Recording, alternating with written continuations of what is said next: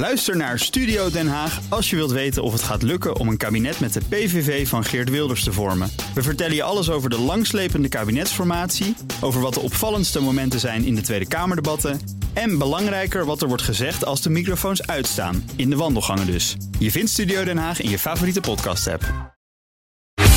Tech Update.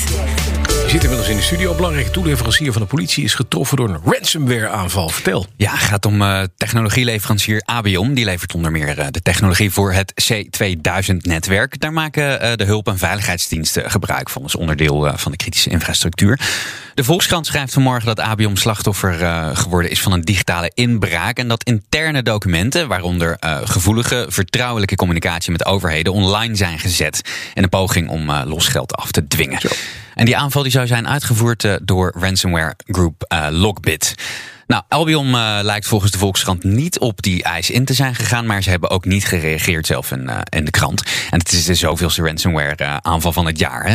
Deze is in theorie wel best wel pittig, want er zijn in totaal zo'n 40.000 documenten buitgemaakt en een deel daarvan is online gezet. En in die documenten um, staan onder andere facturen bijvoorbeeld van meer dan een miljoen gericht aan de politie, maar ook persoonsgegevens van leidinggevenden en kopieën van paspoorten. En dat is kwalijk. Ja, dat is kwalijk, want daar kun je dus ook in de toekomst weer andere ja. uh, aanvallen uh, uh, mee, mee organiseren. Ja. ja. organiseren.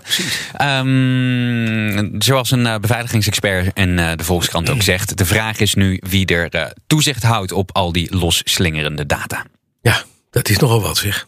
Dan een grote hack ook bij crypto trading platform Bitmart. Ook daar hebben criminelen, cybercriminelen iets uh, naars gedaan. Ja, bijna 200 miljoen uh, dollar aan uh, cryptovaluta gestolen bij Bitmart. Dat schrijft CNBC vanmorgen, ja. inderdaad. Bitmart heeft de hack bevestigd in een officiële verklaring. En ze noemen het een grootschalig veiligheidslek. Nou ja, dat kun je wel zeggen. En ze zeggen zelf dat er zo'n 150 miljoen dollar aan cryptovaluta zou zijn ontvreemd. Maar blockchain beveiligingsbedrijf PackShield, die ook als eerste deze um, aanval door hadden, schat de schade eerder rond de 200 miljoen dollar. Zouden zo'n 20 verschillende munten zijn gestolen en Bitmart staat volgens data van CoinGecko doorgaans qua handelsvolume in de top van de gecentraliseerde crypto exchanges. Ja, dat is nogal wat zeg. Nou. Dan gaan we eventjes naar uh, een... Uh, sorry, even de kelschaap. Uh, kon daar moet af en toe gebeuren. Apple stapt namelijk, moet even plechtig brengen, naar de Russische rechter om betaalmethodes in de App Store. Ja, Apple heeft een uh, rechter in Rusland gevraagd om een waarschuwing van concurrentiewaakhond FAS uh, te herzien. Dat meldt nu.nl uh, vanmorgen. Apple kreeg die waarschuwing van de toezichthouder omdat hij vindt dat, Apple, dat Apple ontwikkelaars moet toestaan om naar betaal, betaalmethodes buiten de App Store om te linken. Het is eigenlijk het bekende liedje. Hè? Lopen je betalingen via de App Store, dan ben je tot 30% van het bedrag kwijt aan Tim Cook. Um, de FAS kwam al eerder met een waarschuwing. Apple had tot eind september de tijd om het beleid aan te passen, anders kregen ze een boete. Uh, Apple ging niet akkoord, um, maar zover bekend kwam die boete er ook niet. En dat gevecht dat speelt niet alleen in Rusland. Apple heeft het met allerhande overheden aan de stok. Um, de belangrijkste momenteel is die in de VS. De rechter heeft bepaald uh, dat Apple uh, ontwikkelaars moet toestaan om links en knoppen aan apps te kunnen toevoegen om gebruikers via een ander betaalsysteem te laten afrekenen. Apple heeft nog drie dagen om daaraan te voldoen. dus eind van de week meer nieuws hierover. Oké. En dan heeft het bedoogd sociaal medium van Donald Trump naar eigen zeggen een miljard dollar binnen gefietst. Een miljard dollar. We hadden het er uh, afgelopen donderdag al over. Hè, dat ze dat wilde. Trump uh, Media and Technology Group gaat het om. Ja. Wilde een extra miljard ophalen bij investeerders voordat ze naar de beurs gaan. Naar eigen zeggen is dat nu gelukt, schrijft de BBC. Volgend jaar, begin volgend jaar, zou er een app moeten komen. Truth Social. Waar Don Donald Trump natuurlijk wel welkom is. In ja, tegenstelling tot alle grote social platforms. Na de opstand bij het Capitool in januari is Trump wat dat betreft nergens nergens meer welkom. Oké, okay, maar gaat nu naar de beurs, inderdaad. Ja. Hè? En met, middels een spec, dat wist wel. Ja, hij heeft een uh, spekje gebruikt. Ja. Uh, de firma van Trump zegt dat ze het geld hebben opgehaald bij institutionele beleggers. Maar hij wilde niet zeggen bij wie dan.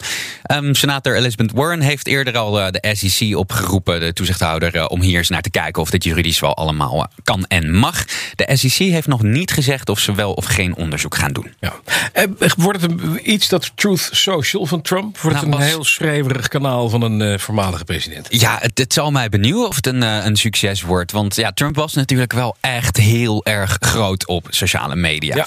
Maar ik ken geen enkel voorbeeld van een bedrijf dat met succes een nieuwe, uh, nieuwe social heeft gelanceerd. Want alle grote partijen die we nu kennen, die zijn organisch gegroeid. Ja. Die deden echt iets anders. En die kwamen niet vanuit een, een kopie van een, een bestaand idee. Maar in principe bouwden van klein op naar iets heel erg groots. En ik weet niet of je met een enorme zak geld nou ineens een populaire app kunt bouwen. Nee, maar als je het geld weglaat, hou je over een enorme zak. Een enorme zak, dat is waar. Ja, het probleem wat je ook hebt uh, met uitgesproken of uh, uitgesproken rechtse of misschien uh, conservatieve social platforms, ja. dat hebben we eerder gezien met bijvoorbeeld Parler, hè, is eigenlijk dat er nooit linkse mensen op zitten die je kunt bashen. En als iedereen het, ja, als iedereen is niet leuk. Nee, als iedereen het in grote lijnen met elkaar eens is, dan is het gewoon helemaal niet meer zo leuk om een beetje te rellen, want ja, dan is er geen boeman.